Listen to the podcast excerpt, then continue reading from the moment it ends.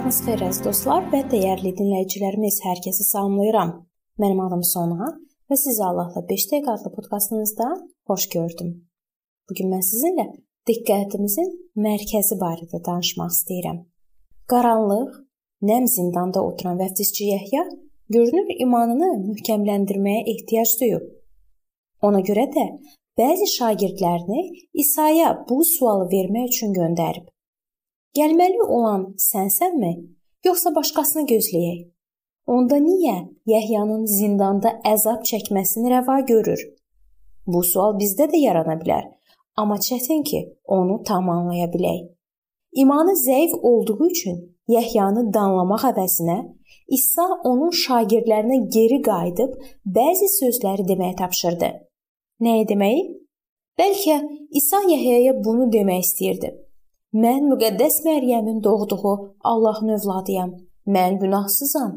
Mən həqiqi Məsihəm və mən insanlara qurban getmək üçün gəlmişəm. Yox, İsa sadəcə dedi: "Gedin, eşidib gördüklərinizi Yəhyaya bildirin.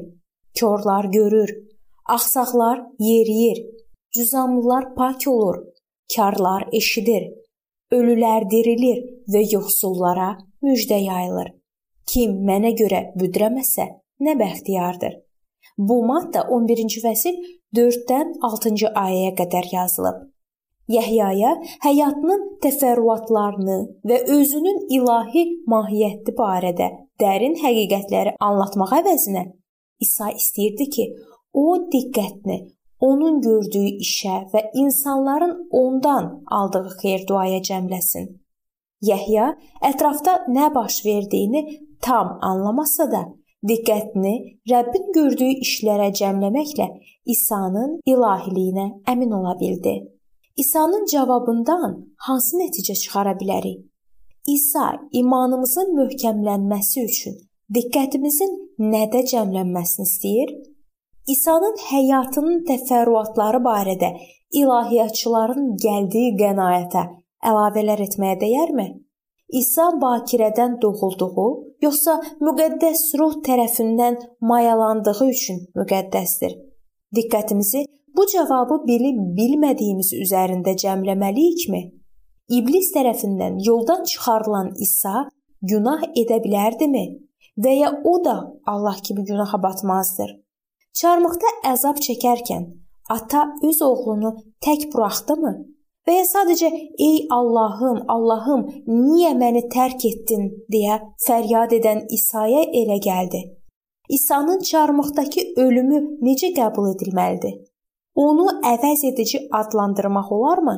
Və ya deyə bilərikmi ki, İsa bizim günahlarımızı ödədi və ya o Allaha son qurbanı verdi ki, bizim günahlarımız bağışlansın? Biz buna bənzər digər məsələlərə də baxa bilərik. Məsələn, üçbirlik üç şəxsiyyətdən ibarət ola-ola həm də vahid Allah kimi necə qala bilər? Müqəddəs ruhla vəftiz, su ilə vəftizlə müqayisədə imanlının həyatında hansı dəyişiklikləri edir? Allah insanlara özü haqqında və insanlara öz münasibətləri barədə heç də hər şeyi açmır. Əhd-ətiqdə tez-tez sirli məqamlardan danışır. Onlardan bəziləri bizə əhd-ətiq vəhləri kimi bəyan olub, lakin digərləri aydın olmayaraq qalır və biz onları sadəcə inam yolu ilə qəbul etməliyik. İndi biz güzgüdəki kimi tutqun görürük. O zaman isə üzbəüz görəcəyik. İndi biliyim məhduddur. O zaman isə haqqımda hər şey bilindiyi kimi mən də hər şey biləcəm. Bu 1-ci Korinflərə 13-12-də yazılıb. Bu deyilənlərdən daha bir sual doğur. Məsihçi Allahın işlərinə dair mürəkkəb suallarla üzləşəndə onları anlamağa və izah etməyə bacarmağa məcburdurmu? Yaxud əksinə, ola bilərmi ki, diqqətimizi təfərrüatlara və mürəkkəb suallara yönəldəndə diqqətimiz ümumiyyətlə yayınsın?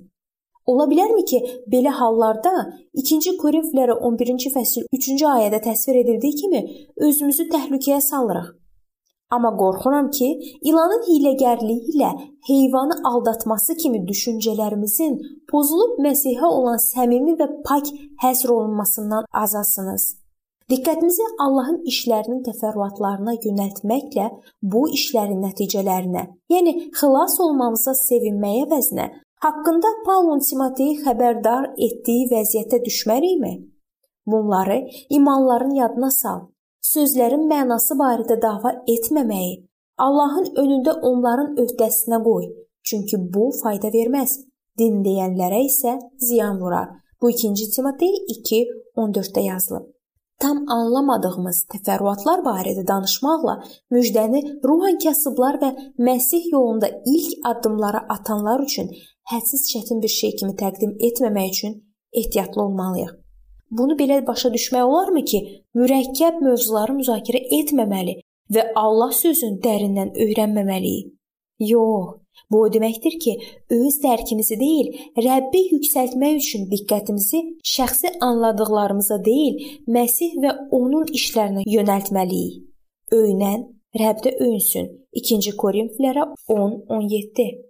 Müqəddəs kitabı öyrəndikcə, müqəddəs ruh və Allahın yolu ilə gedənlərlə təmasda olduqca bəzi çətin anlaşılan həqiqətlər bizə daha aydın ola bilər.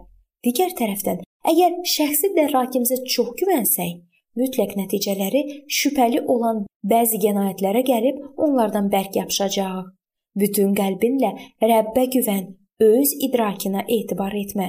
Süleyman 3:5 Ürəyimizdə İsa'nın işlərinə sevinir və diqqətimizi Allahın mərhəmətinə yönəldiriksə, ona öz təşəkkürümüzü ucadan təriflə çatdıra bilərik. Bizə məlum olan həqiqətləri müti şəkildə qəbul edib yerdə qalanını hər şey bilən Allahın ümidinə buraxırıqsa, imanımız daha da möhkəmlənir. Beləliklə